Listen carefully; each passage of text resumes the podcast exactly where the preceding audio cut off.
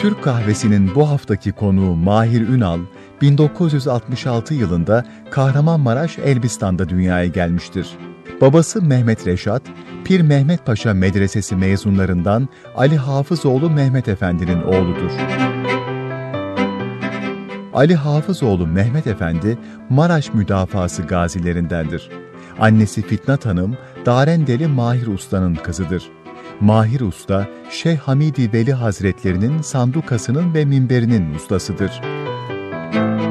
İlk ve ortaokulu Elbistan'da, liseyi ve üniversiteyi İstanbul'da okumuştur.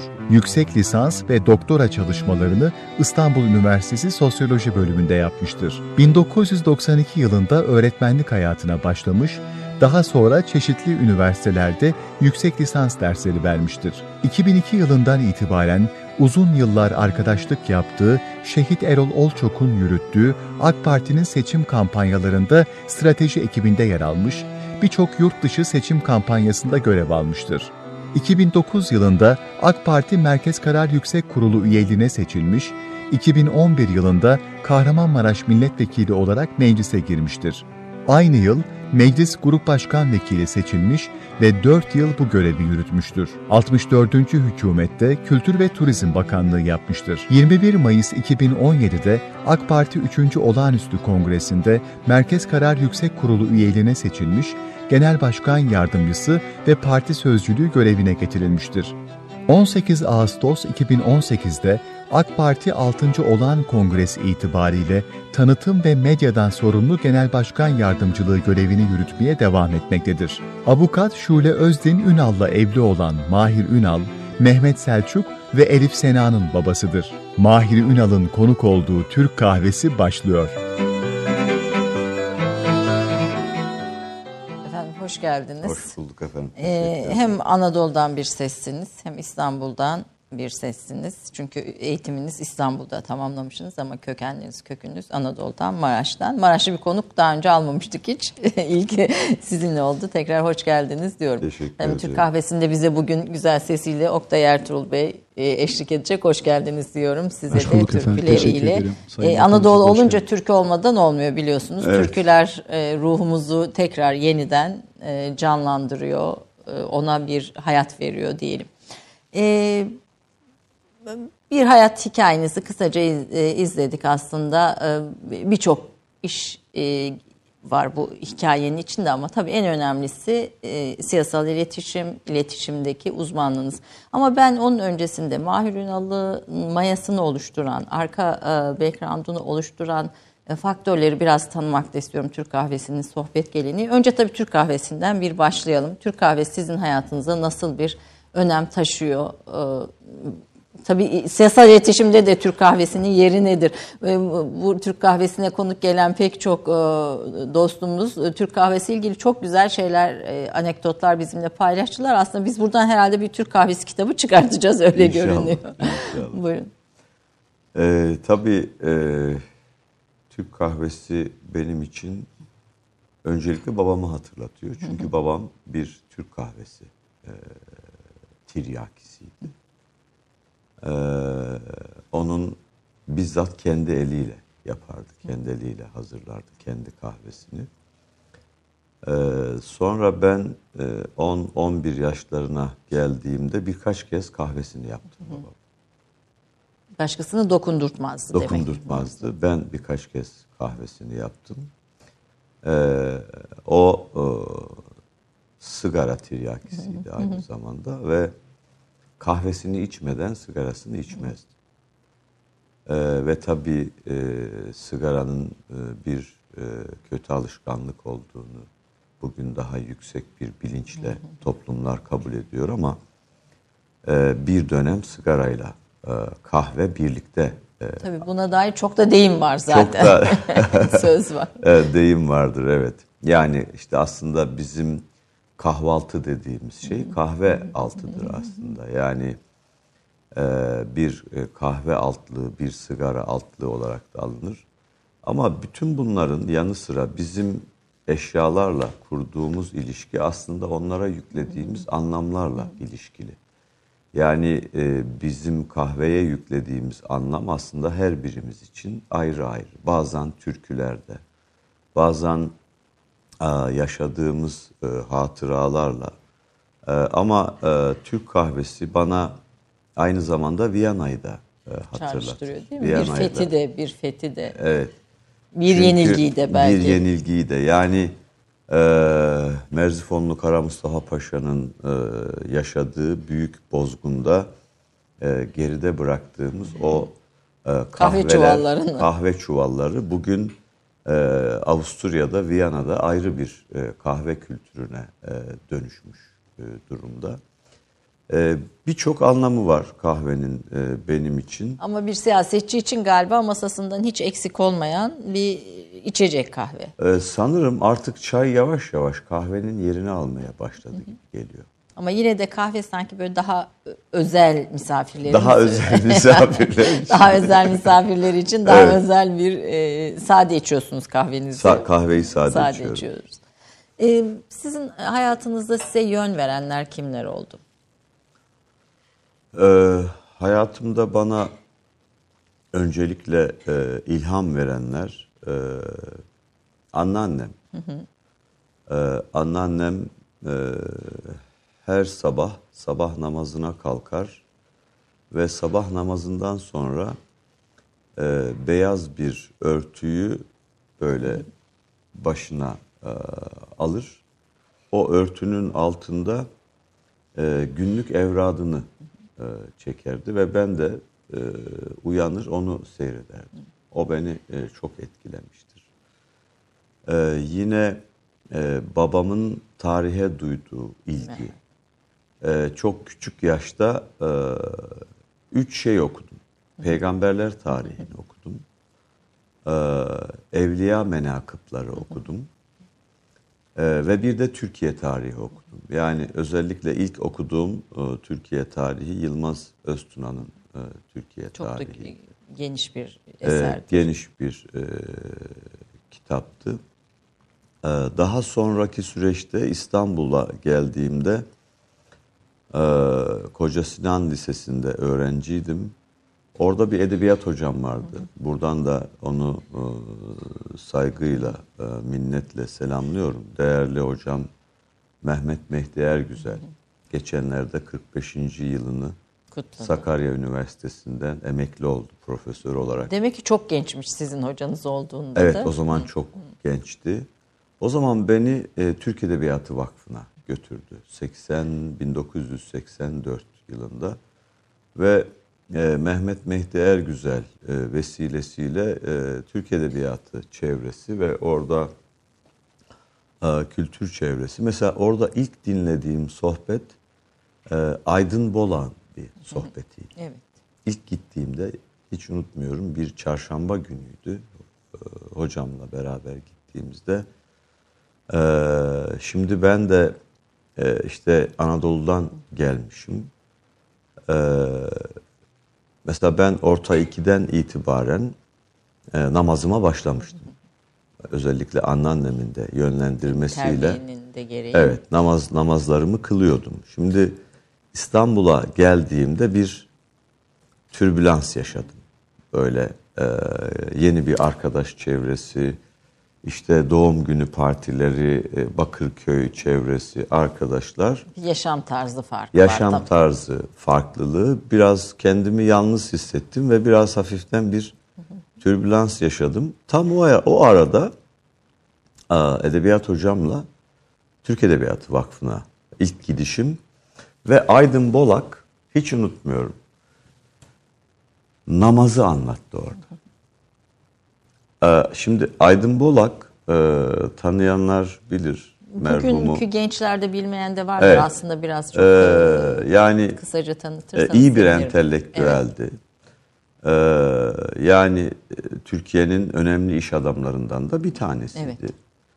Ee, İstanbul kültür çevresinde de çok sevilen, sayılan da ve birçok öğrenciye Onu de işte Burs veren, yetiştiren.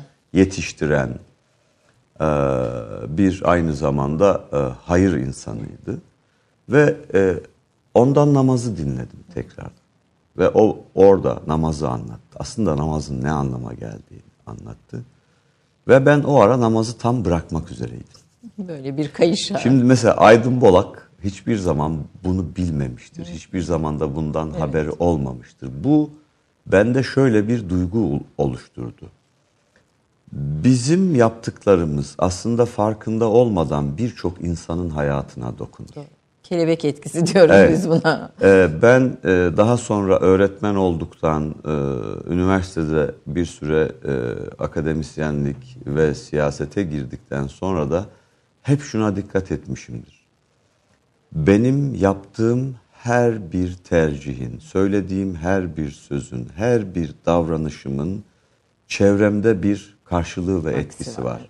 O yüzden ben buna çok dikkat etmeliyim diye hep düşünmüşümdür. Yani Aydın Bolağ'ın o sohbetinin daha sonraki benim için ders etkisi o olmuş. Türk Edebiyat Vakfı'nın oluşturduğu bir halka var tabii. Bu sizin işte muhafazakar milliyetçi fikirlerinizin şekillenmesinde etkili olmuş.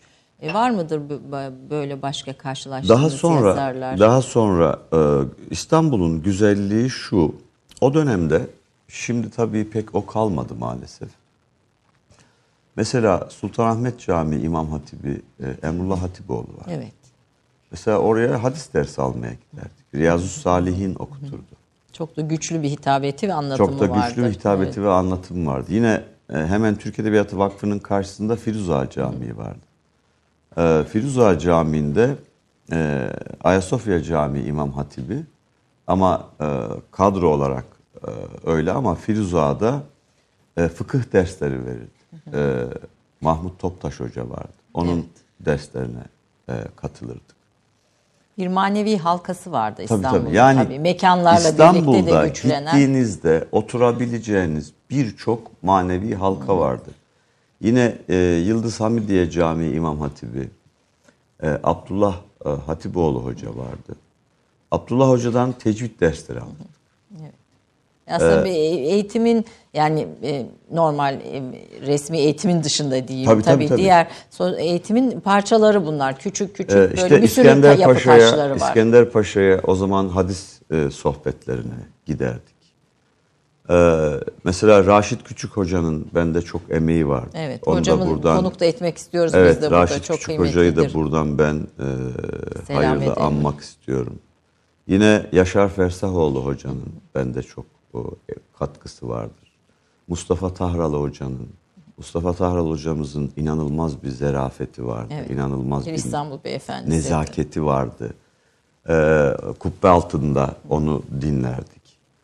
Ee, ve yani e, bilgi edinmek değil de daha çok onlardan bize e, Üslup mu? evet yani onların hali bize hep e, örnek olurdu. Yani bugün Bir de tabii idealist e, yani idealistimiz şey anlamda kullanıyorum. İdealist lafını her kullandım da Alev Alat'ta hocam Hmm. şey yapıyor söyleniyor. Fikirci demek idealist aslında hani bu Hmm. bu kelime yanlış kullanılıyor diye. O anlamda değil ama belki bir hedefi olan hayatta e, ve o hedef doğrultusunda yaşayan insanlarda o hal Kesinlikle. belki Yani sirayet etti. Ben şuna e, hep e, dikkat etmişimdir. Bu insanlar bize maya çalan insanlar. Öyle mayamızda Yani ilham veren insanlardı. Çünkü e, onlar sözleriyle değil de daha çok e, halleriyle üzerimizde etkili oldular. Yani istikametleri doğrultusunda istikametleri yaşadı. doğrultusunda yaşadıkları için. Diğer taraftan ben e, Necip Fazıl Kısaküre'nin üstadın son dönemine Evet. yetiştim. Ee, bir ya da iki defa görme imkanım oldu. Erenköy'deki Evet, evinde yani herhalde. onun şiirinin e, tabii hepimizde o coşkunun, o heyecanın etkisi vardı. Sezai Bey'in e, medeniyet tasavvurunun, o e, anlatısının e, bizde yine çok büyük bir etkisi e, oldu. Nurettin Topçu. Yine Nurettin Topçu, Fethi Gemhloğlu'nun e, Dostluk Risalesi, onun o defalarca e, okunmuştur. Bir de tabii şu vardı, arkadaşlarla oturur, büyük bir coşku ve heyecanla şiirler okurduk, metinler okurduk, kitaplar okurduk. Sadece okumuyorsunuz siz yazıyorsunuz da 92 Cihangir'de yani 1992'de Cihangir e, de ya- yazdığınız bir şiir var. Yaş 14 bir ömre zeyl diye. E, dostunuz Yavuz Bingöl Bey gönderdi. Buradan ona da selam edelim. Ee, aslında e, müsait olsa programda da konuğumuz olacaktı. Bu şiiri de okumak üzere. Ee, e, kendi çok güzel anlatıyorsunuz tabii ki. Ben şiir yönünüzü hiç bilmiyordum. Şiirle alakanız, ilginiz yani sadece okumanın da ötesinde bir yazıya da geçmiş. Aslında versem okur musunuz? Okuyalım. Bence okuyalım. Şimdi Kahramanmaraşlı olup da e, şiir yazmayan çok azdır. 1992 yılında Cihangir'de yine böyle bir geçmişe dair e, dost arkadaş sohbetinde Tam da geçmişi konuşurken evet aslında. geçmişi konuşurken e, yaş 14 kafada deli bir rüzgar ve hayaller sevdaya dair. Rüzgarı sert bir memleket hayata meydan okuyan bir yürek bir o kadar umut ve hayal İşte ben o kabına sığmaz genç adam Yeşil renginde çimdiğim hurman nehri şahidimdir. Şahidimdir söğüt ağaçları, eteğinde top oynadığım dağ, üzüm çaldığım bağ şahidimdir. Dağ gibi gördüğümüz babalarımız, sakin limanlar gibi sığındığımız analarımız vardı. Bütün kahrımızı, taşkınlığımızı dalga kıranlar gibi tutan, acıyı bir lokma ekmek gibi yutan ve hep susan analarımız. Gençtik, deliydik, kanlıydık. Gökyüzü bizim, ovalar, nehir ve ağaçlar bizimdi. Kuşu böceği resimlerde görmedik, dokunduk. Her şey bizden biriydi. Bizden biriydi onlar. Dosttuk. Her şey kendiydi. Biz kendimizdik. Her şeye sevgimizi serperdik. Güneş dost, ay dedeydi. Karanlık korku demek değildi, oyun demekti.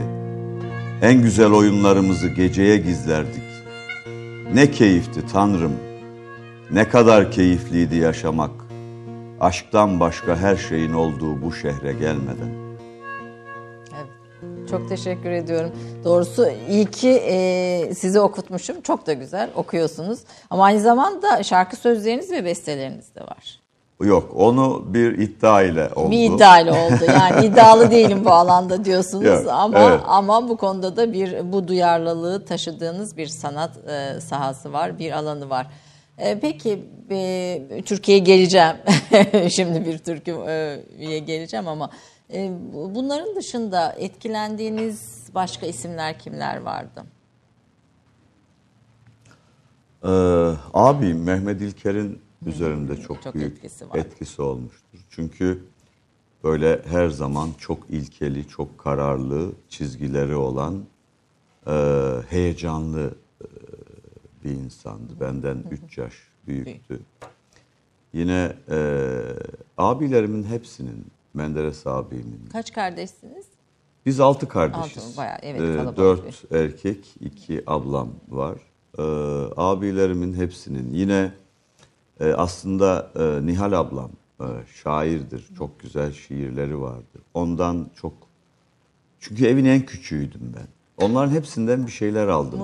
E, Maraş'ın bir şair geleneği var ama yani yedi Evet. güzel adam Evet, mesela bu şeyin içinde Ee, bir şair. Leyla ablam yine aynı şekilde son derece e, o sevgisiyle, anaçlığıyla. E, ve tabii e, annem çok o, duyarlı bir insan. Çok duygulu bir insandı annem. E, biraz da babamdan aldığım, e, babam çok mesafeliydi. Eski adamlar tabii o Evet. dönem yani çocuk sevmeyi bile biraz böyle çok, ayıpsayan bir çok, nesil. Çok mesafeliydi. Tabii e, insan e, aileden çok şey alıyor. Yani hani derler ya çocuk aile düzenini yansıtır diye. Aslında bizi pişiren ailemiz. Evet, e, mayamızı oluşturan da Evet, onlar. evet. Yani onlardan aldığımız e, efendim bir e, eser, bir Türkiye sıra geldi. Bir o Anadolu ruhunu biraz da his, hissetmemiz için ne söylüyoruz Oktay Bey? Evet. e, e, Sayın Bakanımın bu güzel şiirinden sonra e, güzel bir türküyle herhalde devam Evet. etmek lazım diye düşünüyorum. E, kendilerine de hoş geldiniz diyorum. e, Sayın Bakanım siz arayınca ben e, çok sevdiğimi bir abi olarak Evet sağ olsun Umut Hanım'la birlikte e, çok seviyoruz. Çünkü e, gerçekten e, burada şu anda anlattığı gibi ben de e, merak ettiğim şeyleri de öğreniyorum. Çünkü kendisinin o duygusunu, e, sanata bakışını, sanatçıya bakışını e, bizlere e, destek ve örnek oluşunu çok takdir ediyoruz, çok seviyoruz. Daha çok genç yaşta olmasına rağmen siyaset hayatında. E, inşallah e, yolu hep aydınlık olur, açık İnşallah. olur. Allah Çok yar ve yardımcısı ederim. olsun. İnşallah. Çok teşekkür Ee, türkülerimiz tabi ailelerimiz gibi. Ee, ben Yurttan Sesler Korosu'nun, geleneksel Yurttan Sesler Korosu'nun bir elemanıyım. Ee, son sanatçılarından birisiyim. O geleneği devam ettiriyoruz arkadaşlarımla beraber. Ee, türküler de ailelerimiz gibi bizi eğiten, bize milli kültürümüzü, tarihimizi, inancımızı, benliğimizi, kişiliğimizi e, anlatan, milli duygularımızı anlatan e, bir e, Türküyle. külliyat. külliyat. E, Leyla da türkülerde gerçekten hep çok geçmiştir. Evet. Leyla aşkı anlatan en güzel isimlerden birisidir. Leyla'lı bir türkü okuyalım Kayseri'den. E, Nesim İçimen'den alınmış. Deli gönül yine ahuzar oldu. Peki buyurunuz efendim.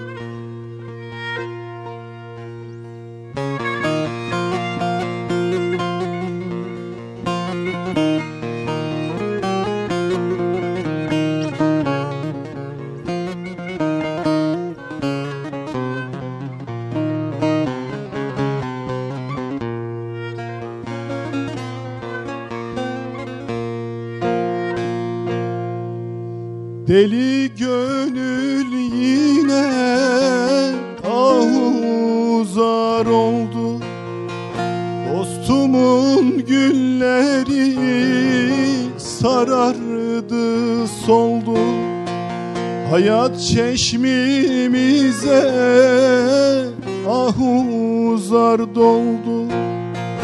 Sen de benim gibi Gez Leyla, Leyla, Leyla Gez Leyla, Leyla Gez Leyla Leyla, Leyla Gez Leyla, Leyla Gez Leyla, Leyla Sen de benim gibi Gez Leyla, Leyla, Leyla Gez Leyla, Leyla Gez Leyla, Leyla, Leyla Gez Leyla, Leyla Gez Leyla, Leyla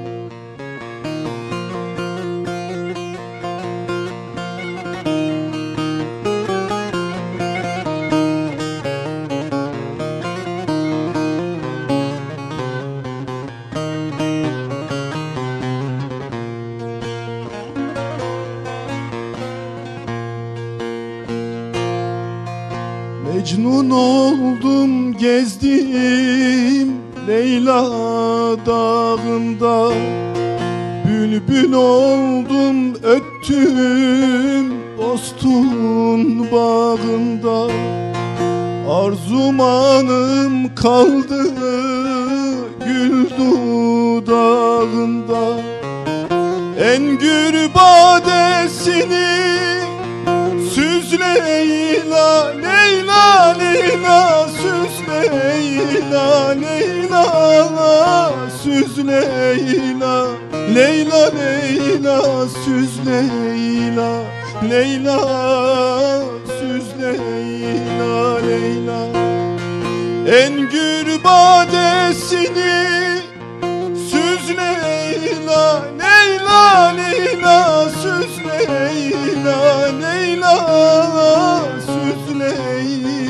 Leyla, Leyla, Süz Leyla, Leyla Süz Leyla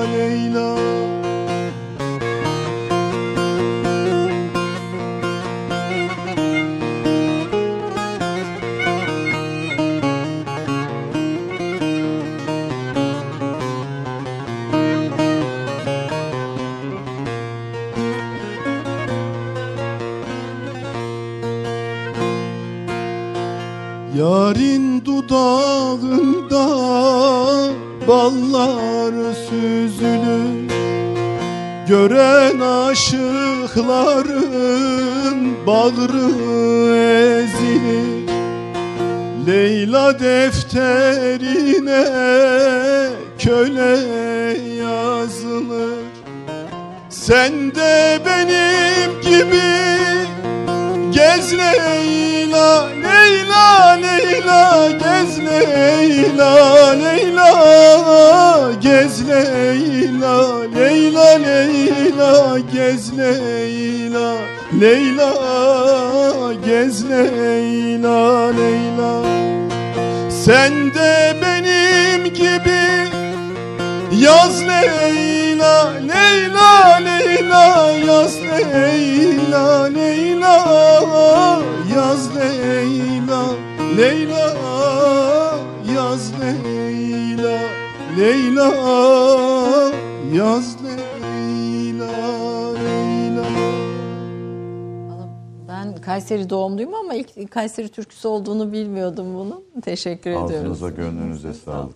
Çok teşekkür Ee, ederiz. efendim peki e, bu arka plandan sonra siyasal iletişime ve iletişime geçişiniz nasıl oldu? Bir sosyoloji eğitiminiz var, edebiyat eğitiminiz var onun arkasından. Kim sizi bu, bu iletişim ortamına fırlattı diyelim? Ee, şimdi e, merhum dostum, e, abim, ustam e, Erol Olçok. Değil mi? Hayatınızda bence e, e, önemli ikinci Evet. evrede önemli en önemli Ee, isim. aslında e, Erol Bey e, abimin arkadaşıydı. İlker Bey'in arkadaşıydı. 92 yılında ben öğretmenliğe başladığımda e, onlar abimle beraber 92-93 onlar e, beraber reklamcılık işi yapıyorlardı. Reklam Formart diye bir reklam ajansları vardı 92'de. Ben de tabii öğretmenliğim döneminde e, Çemberli Taş'ta e, o zaman Florya Tevfik Ercan Lisesi'nde öğretmenim. E, gider gelirdim. O, o günden başlayan bir dostluğumuz vardı Erol Bey'le. Evet, bir ona yazdığınız bir şiir de burada e, var. Onu detaylı göremiyoruz yakın plandan ama var mı aklınızda mısraları? Ee, 15 Temmuz'dan e, sonra ona e, yazmıştım. Yani ne güzel bir okuldun sen Erol abi diye. Ee, 2002'de e, o zaman Erol Bey e, milletvekillerine dönük ben o dönemde üniversitede e, ders veriyordum. Ee, milletvekillerimize dönük bir eğitim planlayabilir miyiz hocam dedi. Bir siyaset okulu projesi o zaman Başlattınız. hazırladık. Sonra 2004 kampanyasında beraber olalım dedi. 2004 kampanyasında beraber olduk. Zaten 2004'ten sonra ben Arter Ajans'a, Erol Bey'in ajansına danışmanlık hizmeti vermeye başladım. Sonra 2007 yılında e, 2007 seçim kampanyasını e, Cumhurbaşkanımıza o zaman Başbakan'dı sundum. 2007'de tanıştık biz. E, Cumhurbaşkanımızla. Cumhurbaşkanımızla 2007'de tanıştık. İlk izleniminiz neydi? Yani bir önceden tanımak var bir de tabii Cumhurbaşkanı yakından Tabii tanımak var. e, biz e, bir- işte o zaman üniversitedeyken e, uzaktan ben e, Tayyip Bey'i takip ederdim. Çünkü Tayyip Bey'in e, ta il başkanlığı döneminden gelen İstanbul'da siyasi liderliği vardı. bir siyasi liderliği vardı. E, ama e, hiç tanışmamıştık. E, belediye başkanlığı döneminde de tanışmadık. E, çünkü ben siyasete pek ilgili değildim açıkçası. Yani ben işte daha çok e, akademi, edebiyat, e, biraz entelektüel uğraşlar, yazma, çizme e, bunların içerisindeydim. 2007 yıl kampanyasını o zaman e, o zamanki sloganımız büyük düşün müydü? Hangisiydi hocam? durmak yok Durmak yola yok devam. yola Şimdi devam. onun da bir hikayesi var. Şimdi rahmetli Erol Bey'le ben e, 2007 kampanyasının öncesini hatırlayalım. Cumhurbaşkanlığı seçimini yaptırmıyorlar. Tabii, kritik dönem. Cumhuriyet Bu- mitingleri var. Ve biz e, Darbe Türk- söylentilerinin evet, darbe yoğun olduğu bir söylentileri var. Türkiye aşkına diye bir e, şey düşünüyoruz. e, slogan düşünüyoruz ama duyguyu da ifade eden e, durmak yok, yola, devam. Hareket aslında. E, onu da e, Erol Bey'in e, küçük kardeşi Cevat Bey ısrarla durmak yok, yola devamı savunuyor. Ben kampanyayı sundum. Ben ısrarla Türkiye aşkına iyi anlatıyorum. E, bu kampanya sunumunun sonunda da yardımcı sloganlar vardır, yan sloganlar. Orada e, Tayyip Bey durmak yok yola devamı gördü. Dedi ki bu. Ben yine biraz Türkiye aşkınayı bir edebiyatçı güdüsüyle diyorsunuz. Evet, ama şimdi tam da şu anda aslında e, mesela e, AK Parti'nin hikayesi bir millet aşkı hikayesidir diyoruz. Yani belki o gün günü gelmemişti o kavramın. Ama bir devamlılığı da var. Çok kısa bir es verelim mi? Buyurun. Reklam için arkadaşlar Peki. deminden beri Peki. ikaz ediyorlar. Reklamlardan sonra buradayız. Erol Olçak'la birlikte e, Türkiye siyasetinin şekilleniş üzerinde de konuşacağız. Bir dakika reklam arası. Romandan şiire, tarihten düşünceye, klasik metinlerden özel edisyon çalışmalara kadar geniş bir yelpaze ve yüksek bir frekanstan yayın yapmayı hedefleyen Ketebe, şimdiden Türk kültür hayatında kalıcı ve önemli bir yer edindi. Edebiyatımızın seçkin eserlerine, genç kalemlere, tarihimizin engin zenginliğine, dünya edebiyatının hem güncel hem de klasik metinlerine, düşünce dünyamızın, maneviyat tarihimizin köşe taşlarına ve gün yüzüne çıkmamış değerlerine ev sahipliği yapmak, Ketebe'nin yayın politikasının omurgasını oluşturuyor. Dünya standartlarında bir yayıncılık anlayışı ve deneyimli kadrosuyla yola çıkan Ketebe yayınları, kitaba, kağıda ve söze hürmet eden bir medeniyetin parçası olarak her şeye geçer, yazı kalır diyor. Reklam arası sona erdi. Efendim Türk Kahvesi'nde ikinci yarıdayız. Konuğum Mahir Ünal, AK Parti Medya Tanıtım Genel Başkan Yardımcısı ama onun ötesinde bir entelektüel, yazar, şair, düşünür ve fikir adamı olarak e, masamızda konuğumuz. E, Erol Olçak bir okuldu diyorsunuz. Erol Olçok pardon her seferinde bir şey hatalı söylüyorum. Erol Olçak bir okuldu ve siz de o okulda e, siyasal iletişimle tanıştınız ve bu konuda e, yol aldınız. Durmak yok, yola devam 2007 Cumhurbaşkanımızla tanışmamızı en son. Cumhurbaşkanımız e, o durmak yok yola devamı gördüğünde bu dedi ve kampanya durmak yok yola devamın üzerine kuruldu ve ertesi gün Cumhurbaşkanımız beni seçim beyannamesi toplantısına davet etti. Ve e, ondan sonraki süreçte de Cumhurbaşkanımızla olan hukukumuz başladı. 2009'da e, Merkez Karar Yönetim Kurulu, Kurulu evet. üyeliğine o, beraber Beraberdik. evet Beraber- ben de oradayım. beraber. Evet beraberdik. beraberdik. Ee, sonra 2011'de milletvekilliği. Ama bu süreçte hep e, AK Parti'nin e, kampanyalarında merhum e, Erol Bey ile beraberdik. 12 seçim kampanyası AK Parti'nin yürütmüş Erol, Erol Olçak ve bu 12'sinde de parti sonuçta e, akılda kalıcı sloganlarla ve önemli stratejilerle bir yere taşımış. Tabii hani burada siyasi liderin de etkisi var, toplumsal ruhun da etkisi var ama hani siyasal iletişimin burada e, önemli bir rolü de var. Bunu da yatsımamak lazım. mutlaka. Yani toplumla lider arasındaki o bütünleşmeyi, o duygu akışını sağlayan bir stratejiler var. Çünkü Tayyip Bey'i çok iyi tanırdı. Ee, o hep şey derdi, seçimi lider ve psikoloji kazanır. Dolayısıyla lideri iyi konumlamak, psikolojiyi iyi yönetmek. Ee, bunu çok iyi e, planlar. Zaten e, onun bütün işi e, kampanya öncesinde değil, her zaman çok yenilikçi bir insandı. Yani ne olabilir, ne yapılabilir?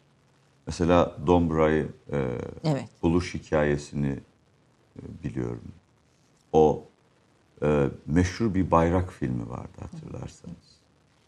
E, Cumhurbaşkanlığı seçim için. Evet, 2014'te. Aslında Bayrak filminde anlattığı hikaye 15 Temmuz'da yaşadığımız şeydi. Hikayedir evet. Cuma günü oldu 15 Temmuz. Biz pazartesi günü en son kendisiyle görüştük. Pazartesi epey bir sohbet ettik. Ee, ben de işte o dönemde e, 64. hükümet görevini bitirdi. 65. hükümet görevi devraldı. Biz de 65. hükümette görev almadık. Ee, biraz beni kendince teselli etti. Bu işler dedi yalan dolan hocam dedi. İllahu illahu o, onun hep o şeyi. Evet bir de bir te- Dünya derdi yalan dolan hocam ama derdi bu işleri yapmak lazım. Tayyip Erdoğan'ın ruhaniyeti ve maneviyatı, davası, yapmak istediği şeyler onlardan bahsederken böyle bir heyecanlanırdı. Sonra döndü bana dedi ki şöyle yaparak ben şehit olacağım hocam. Ben de güldüm dedim ki ya seni askere de almazlar. Nasıl şehit olacaksın? Böyle durdu kendi etrafında bir döndü. Ben şehit olacağım hocam. Ben yine güldüm. Öyle geçiştirdik. Bir umreden de dönmüştü. tabii. Umre'den de yeni dön- dönmüştü. Yani uzun da bir umre ziyaretinden dönmüştü. Orada çok etkilendiğini de söylemiş Ee, dostlarına. Zaten e, şeyin e, Erol Bey'in e, ilginç bir şeyi vardı. Zihni ve kalbi vardı. Yani içi dışı e, bir bir insandı. E, ve tabii 15 Temmuz gecesi beni aradı. Dedi ki hocam ben çıkıyorum. O şeye çıkmadan, köprüye çıkmadan Köprüye önce. çıkmadan önce ben aradım. E tabii şimdi ne diyeceğim? Çünkü hepimiz zaten e, aynı durumdayız. Sonra bir 45 ya da dakika bir saat sonra beni Cevat Bey aradı. Dedi ki abime ulaşamıyoruz. Ben bütün hastaneleri işte telefonla aradım, taradım ve en son bulduk. Ve tabii bulan doktor arkadaşımız, ortak bir arkadaşımızdı Lütfü Bey, Lütfü Orhan Bey. Bana Erol Bey'in şehit olduğunu söyledi. Yani o anda e, o, o, o anlatılabilir bir şey değil yani. Hocanız, dostunuz, Evet, abiniz. yani tabii. ben e, gayri ihtiyari Allahu Ekber demişim üç kez. İşte ortak arkadaşlarımızla da beraberdik. Yalçın Akdoğan vardı, Mücahit Bey vardı. Ne oldu dediler dedim, Erol Bey şehit olmuş. İnanamadılar tabii. Hepimiz için öyleydi yani. Ha- Haber sahte mi diye uzun süre hepimiz Evet. düşündük. Sonra ben Abdullah'a sordum, o da şehit olmuş. Tabii burada hem bu acı hem de bunu dönüp Cevat Bey'e Söylemek, Söylemek. aileye söylemek. Evet. Cevat Bey de Çorum'daydı. Cevat Bey'e tabii e, söyledim. Ve daha sonra da e, İstanbul'a şey yaptık, geldik. Ee, yaşadığı gibi öldü. Yani yaşarken de öyle bir adam. Çılgındı. Yani Çılgındı, böyle çılgındı. fişek gibi bir adamdı. Hepimiz çok e, dostumuz. Şövalye ruhlu. Çılgındı evet. Ee, hiçbir zaman hiçbir hakikati eğmez, bükmez. Olduğu gibi söylerdi. Tayyip Bey'e de olduğu Evet. gibi söylerdi. Hiç. Öyle e, bir siyaset yapayım. Ama bana derdi ki ya hocam ben böyle yapıyorum da sen böyle yapmasan Tabii iyi o, olur onu derdi. kend- kendini siyasette konumlandırmadığı için yani siyasi Evet. çizgiyi başka görürdü. Ee, güzel bir adamdı. Dünyadan bir Erol Olçok ve bir Abdullah Tayyip geldi geçti. Allah Rahmet eylesin. rahmet eylesin, mekanlarını cennet eylesin. Evet ama yani e, tabii kendi hayat öyküsünün de ötesinde gerçekten AK Parti'nin seçim kampanyalarının Çok büyük emeği e, katkısı emeği var. katkısı Evet. büyüktü. Şey bir beyindi yani böyle son anda hatta bazen e, son ana kadar böyle bir hani bir şey bulur Bulurdu evet. evet bir şey bulur der. Böyle bir iki üç gün öncesinden bir şey olmaz ama o son anda bir şey bulurdu Evet, yani bir şey o bir bulur, o bir başka bir akıl, başka bir Şimdi- duygu ve düşünüş. E, tabii e, günümüzde hani o siyasal iletişimin değişim sürecini de doğru görmek lazım. Şimdi 2014'ten sonra bizim yine Erol Bey'le konuştuğumuz bir değişim yaşamaya başladık. Aslında 2011 Arap Baharı'nda, 2012 Obama seçimlerinde Evet. gördüğümüz Dünyada büyük bir değişim. dijital dönüşümün bir sonucu olarak sosyal ağların akışkanlığı, interaktif oluşu, anlık oluşu e, artık e, insanların e, duygusunu, gündemini, düşüncesini de bir akışkanlığa taşıdı. 2014 seçimlerinden sonra artık Türkiye'de gündem hızlı değişmeye başladı. Dünyada olduğu gibi. Eskiden gündem oluşur. Siz Sizde de birkaç kampanyada Evet, beraber tabii, tabii. çalıştık. Ee, yani seçimlere 3 ay kala biz arama konferanslarına başlardık. Yani Başlıklar seçimin çıkar. duygusu ne olacak, atmosferi ne olacak, psikolojisi ne olacak. Sonra onları belirler. Sonra onları belirledikten sonra o duyguyu siyasal iletişim diline dönüştürürdük. Sonra seçime kadar o gündem değişmezdi. O duygu değişmezdi. Şimdi 2014'ten sonra her geçen gün artan bir hızla e, her gün, her hafta gündem değişiyor. Her gün, her hafta duygu değişiyor, psikoloji değişiyor. E, şu anda e, yaşadığımız süreçte artık klasik kampanyaların dönemi kapanıyor. Siyasal çok- iletişimde bir başka e, başka yöne sürece evri- evrildi. evriliyoruz.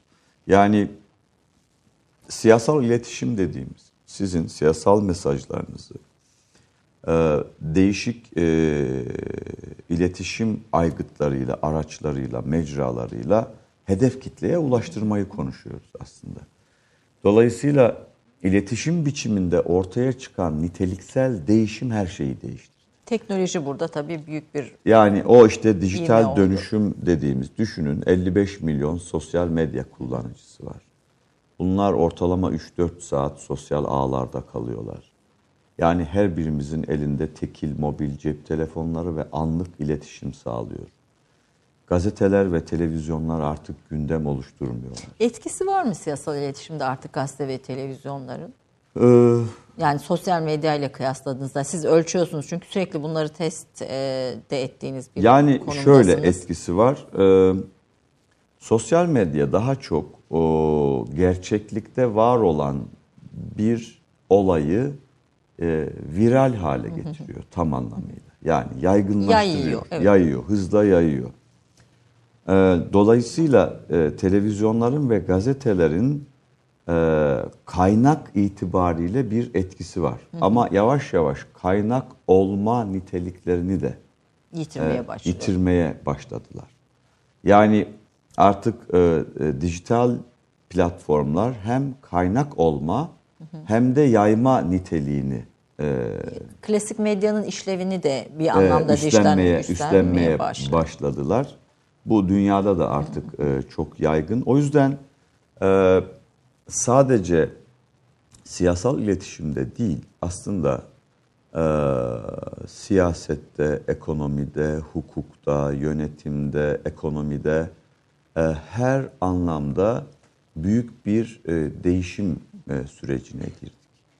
Ve değişim bütün uçurumlarıyla ve bütün kırılganlığıyla üzerimize doğru geliyor. Artık eski er- ezberlerimizle, eski araçlarımızla, eski yöntemlerimizle yeni olanı okuma imkanımız yok. Evet. Yeni olanı Dünya içinde söylüyorum. dünya için söylüyorum. Mesela Trump, e, Trump'ı biz eski ezberlerimizle anormal buluyoruz. Aslında Trump yeni normal. Evet. Yeni dünyanın normali aslında Trump. Bu da tabii insanı korkutuyor. Yani bu dijital dönüşümün bir sonucu olarak önümüze çıkan e, Meseleler. ve bütün toplumsal dinamikleri değiştiren, bütün alışkanlıklarımızı değiştiren, bütün araçlarda niteliksel değişimler ortaya çıkaran, e, anlayışları, kültürleri de değiştirecek olan büyük bir tıpkı 150 yıl önce olduğu gibi yine büyük bir değişimin e, arefesindeyiz. Ben bazen kendimi bin yaşında hissediyorum çünkü ben Anadolu'da 1000-2000 yıldan beri var olan Kanı'yı gördüm. Karasaban'ı gördüm. Çıra'yı gördüm. Gaz yağını gördüm. Çarığı gördüm. Hititlerden kalma kerpiç köy evlerini gördüm. Ve onlarda hayat vardı yani. Hani yaşanan Evet. bir hayatı gördünüz. Yaşanan müzede görmedim. Evet, Yaşanan hayatı Ee, gördünüz. Yani bizim bir Hitit höyüğünün eteğinde bahçemiz vardı ki hala durur. Ee, ve sonra e, telefonu gördüm, televizyonu gördüm. Bin bir çeşidin üstelik Bin de. bir çeşidini gördük. Şimdi dijital dönüşüme şahitlik ediyorum. O yüzden herhalde bizim kuşak Evet. Değişimin en hızlı yaşadığı yaşandı. başka bir kuşak bizim yaşadıklarımızı yaşamayacak. Yani bu toprakların bin yıl önceki alışkanlıklarını, geleneklerini, göreneklerini, etnografyasını, arkeolojisini, her şeyini, Ruhunu, duyuşunu. ruhunu, duyuşunu, türküsünü, anlamını. Mesela biz e, eşya ile anlam üreterek ilişki kurardık. Hala öyleyiz. Bir fonksiyon Ama olması. yeni kuşaklar e, eşya ile anlam üzerinden ilişki kurmuyorlar. İşlev üzerinden ilişki kuruyorlar. Çünkü biz fiziki coğrafyanın çocuklarıydık. Bizde bir zaman ve mekan algısı vardı. Şimdiki çocuklar internet coğrafyasının sanal. çocukları. Evet. E, o yüzden onlar için yakın ve uzak yok. Bizim için yakın vardı, uzak vardı, gurbet vardı, sıla vardı. Özlem vardı. Özlem vardı, beklemek vardı. Ben çocuktum. Tercüman gazetesi gelirdi eve. İnci eki vardı Tercüman gazetesinin. Orada Asterix vardı. Üç kare. Asterix. O üç kareyi okurdum. Ertesi günkü üç kareyi beklerdim. Şimdi çocuklar istemedikleri kadar o dijital platformlarda çizgi filmler izliyorlar Sınırsız. sınırsız. O yüzden e, yeni kuşağın e, zihni e, tasarımıyla bizim zihinsel tasarımımız arasında da e, büyük e, farklar var. O yüzden onlar değişimi daha doğru okuyorlar. Daha hızlı e, uyum Bu sağlıyorlar. kampanyada e, AK Parti'nin işte seçimlerde çok yaklaştı aslında kısa bir şeylerde. Önce bir soralım anketler ne diyor? E, tam da bu söylediğim sebeplerden dolayı anketler artık sahayı kullandıkları e, yöntem e, ve araç itibariyle artık sahayı okuyamıyorlar. Yani tam da hani dedim ya 2014'teki e, 2011'de başlayan 2014'te yoğunlaşan bu akışkanlık ve değişim saha üzerinden artık anketleri, anket şirketleri okuyamıyorlar. Neden? Yanlış sorular mı? Yanlış. Çünkü anket şirketleri şimdi telefon anketleri yapıyorlar bu durumu bir şekilde toparlamak için. Şimdi geçmişte anket firmaları ne yapıyordu? Bugün de öyle yapıyorlar. Soruyu hazırlıyor. Bir hafta bunun sahası, sonra bunu bilgisayara giriyor. Ee, sonra e, uygulamaya geçiyor. e, bunu analiz ediyor. Yani 14 günde size anket e, teslim 14 gün önceki sonucu. Dolayısıyla şimdi artık bu akışkanlık şöyle. Sahadan veriyi aldığınız anda ki sahanın durumunu anket size söylüyor. Onu da e, örneklem üzerinden e, regresyon analizleriyle e, tam anlamıyla size yansıtabiliyor mu? Hayır yansıtmıyor. Ama yakın bulan e, anket şirketleri de var. Var. tabii, var. Yakın bulan hani ortalama bunu biraz daha iyi sorularla belki e, okumayı başaran. Burada soru önemli bir Kesinlikle. e, herhalde Yani sorunun yönlendirmemesi gerekiyor. Sorunun mümkün olduğu kadar e, deneyin e, tam olarak düşüncesini ifade edebileceği yönlendirilmemiş bir zeminde e, kendisini ifade etmesi gerekiyor. Orada anketörün tavrı çok önemli. Şimdi artık yavaş yavaş bu nereye dönüyor? Dijital platformlarda e, deneyi yakalayıp e, günlük e, onun e, şeyini e, oy verme davranışına etki eden faktörleri çekebilecek yeni sistem ve yöntemler geliştiriliyor. geliştiriyor. E, siz de kullanıyorsunuz bunları Biz de da bunları tabii. kullanıyoruz, Bu, bu evet. yöntemlerle anket şirketlerinin verileri arasında fark çıkıyor mu ortaya yeri? Yani di- dijital mi bize daha doğru veri tabanı oluşturuyor? Şimdi dijital de henüz daha e, yöntem olarak yeterince Gelişmedi. e, gelişmedi. E, öbürü de e, bugüne uyum sağlamakta zorlanıyor. O yüzden Cumhurbaşkanımız anket sonuçlarına güvenmiyorum. Çünkü sokağın dili ve meydanların dilinin söyledikleriyle anketlerin söyledikleri arasında zaman zaman mesela bir ilde 3 ayrı anket yaptı. Şimdi bir ankette 15 puan önde gözüküyoruz. Bir ankette baş başa gözüküyoruz. Bir ankette 7 puan geride gözüküyoruz. 3 ayrı anket. Şimdi dolayısıyla diyorsunuz ki bu anketlerin hangisine güveneceğiz? Anladım. Bir şey ortaya çıkıyor. Bir fark daha. Ama eskiden anket Yaklaşık firmaları çıkardı. e, yani bunun standart sapması eksi artı 2'dir. Şimdi bakıyorsunuz standart sapma 15 lira kadar çıkabiliyor. Yükselmiş. Cumhurbaşkanınız da biliyorum eskiden beri çok aslında bu anketler ve biraz matematik İlgilidir ve bilir. ilgilidir bilir. Bu, bu işin matematiğini de hani e, bi- bilir iyi kurgular. Ee, siyasal iletişimde yeni bir şey. Genç seçmen de tabii bu, bu arada karşımızda. Bu e, hangi avantajları veya dezavantajları getiriyor bize?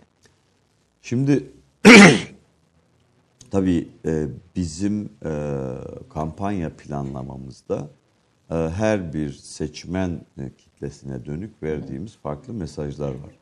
Şimdi e, genç seçmen AK Parti döneminde büyümüş. AK Parti döneminde e, işte geçmişte yaşanan sıkıntılara dair bir fikri yok.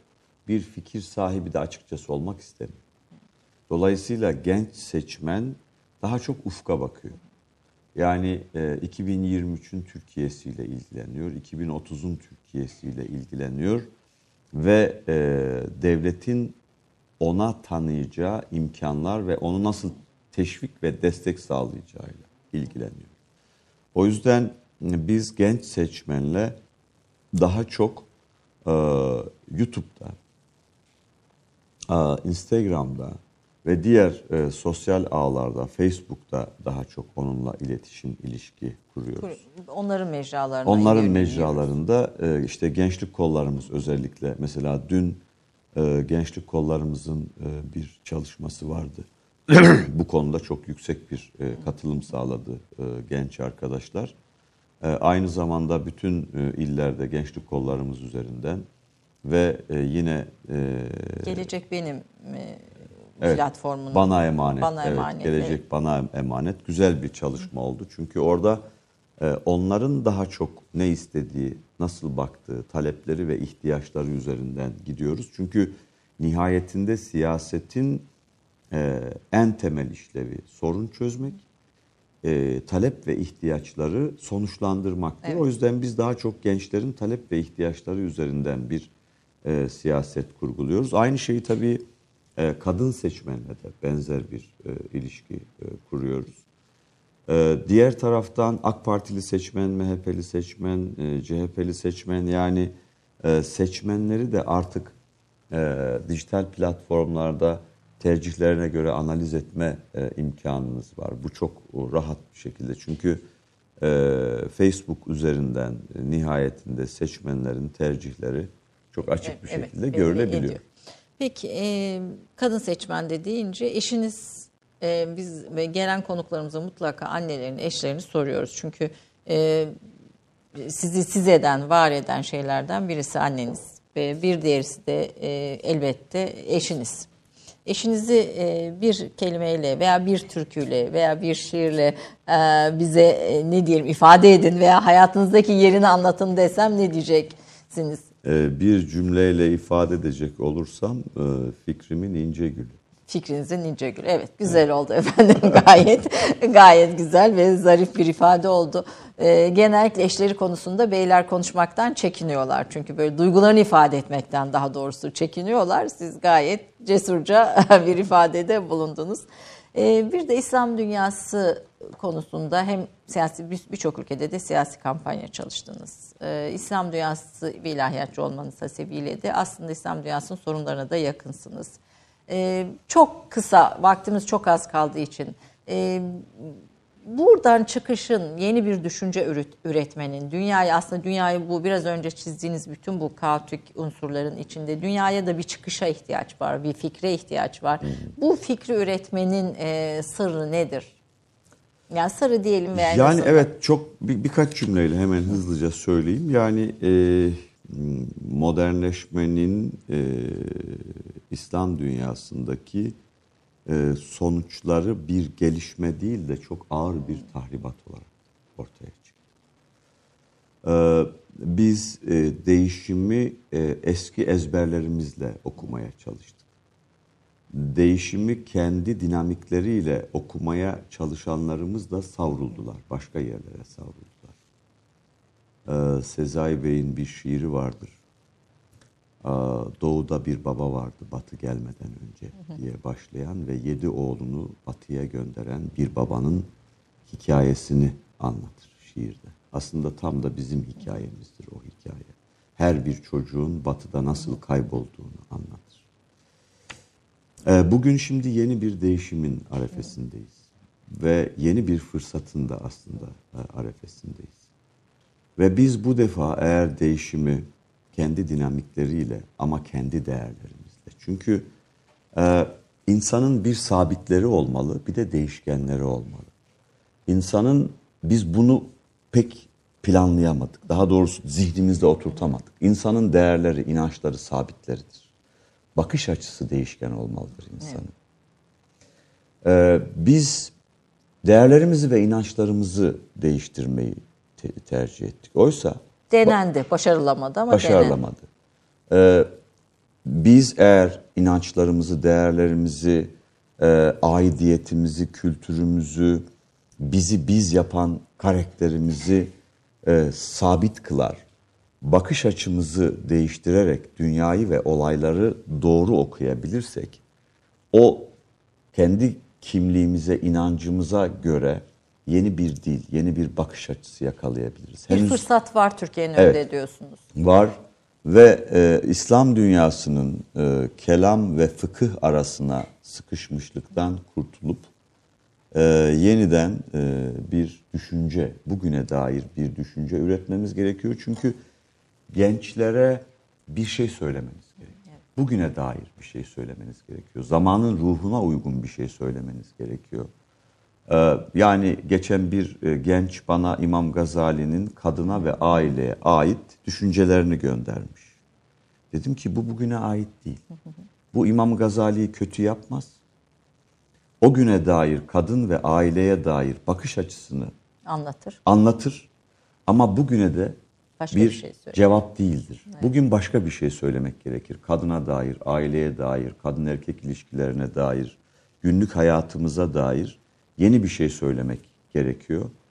Bizim e, bunu da keşfetmemiz gerekiyor. gerekiyor. Bu konuda çaba sarf etmemiz gerekiyor. Efendim süremiz bugün de miting olduğu için kısmen biraz e, azaldı süremiz. Aslında Aşk Mahsuni'den biraz söz edecektik. Aşk, aşk Mahsuni Biraz Kahramanmaraş konuşacaktık. Biraz Kahramanmaraş Yedi güzel konuşacak- adamı konuşacaktık. değil Evet. mi Maraş'ta? Böyle bir, kısaca Maraş'ta bir hemen eseri Neşet Ertaş'tan bir eseri geçeceğiz. Ona geçmeden Maraş'ta bir müze kurdunuz değil mi? Ee, Kahramanmaraş'ta e, önce Yedi Güzel Adam dizisi 26 bölüm. E, o Yedi Güzel insanın e, hakkıydı.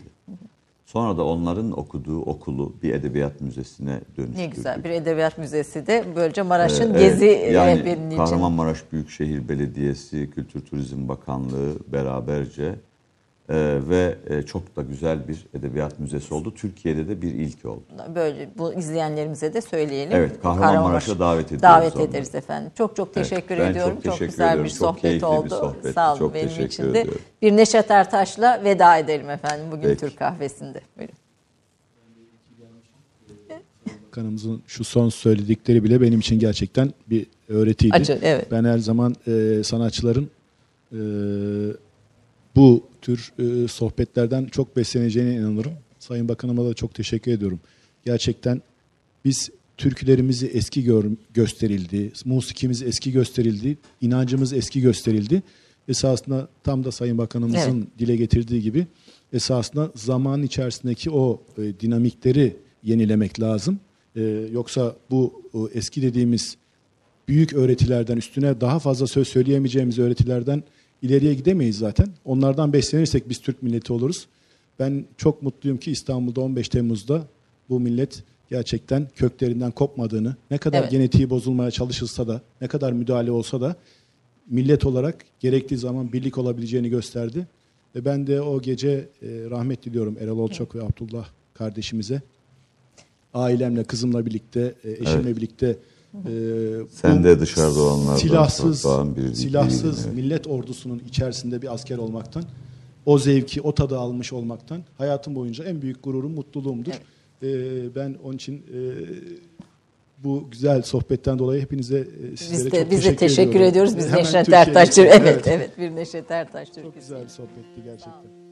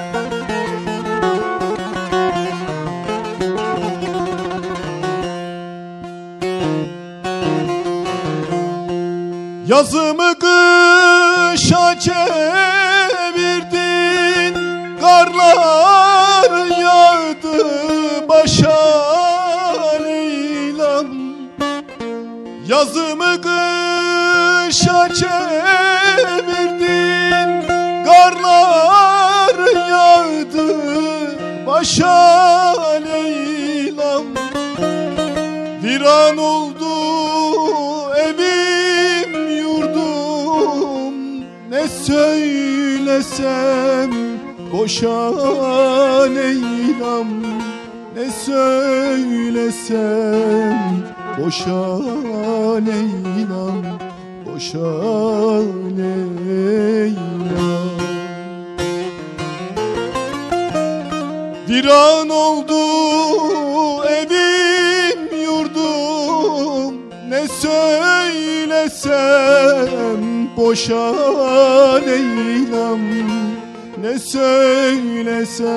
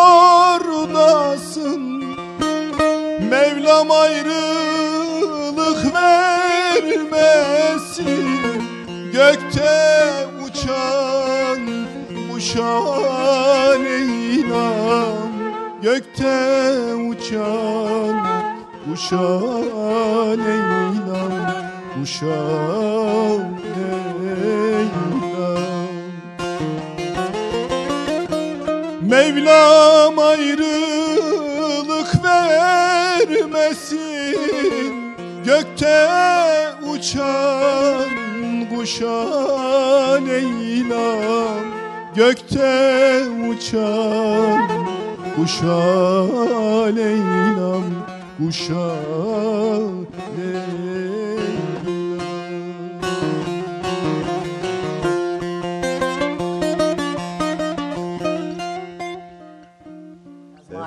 Se- bence bence biraz biraz bir bir bir, bir parça Miting, mitinglerde benim ses e, gitti. Bence bence gitmiş bir bir küçük şey yapabiliriz. Devam eşlik edin lütfen. Ben Sayın Bakanıma yaklaşayım.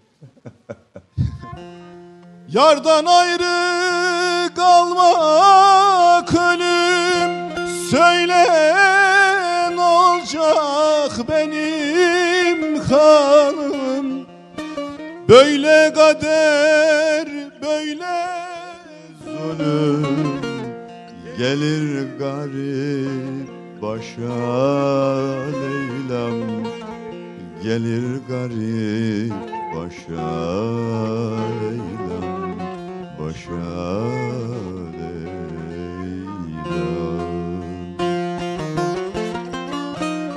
Böyle kader böyle zulüm Gelir garip başa Leyla'm Gelir garip başa Leyla'm Başa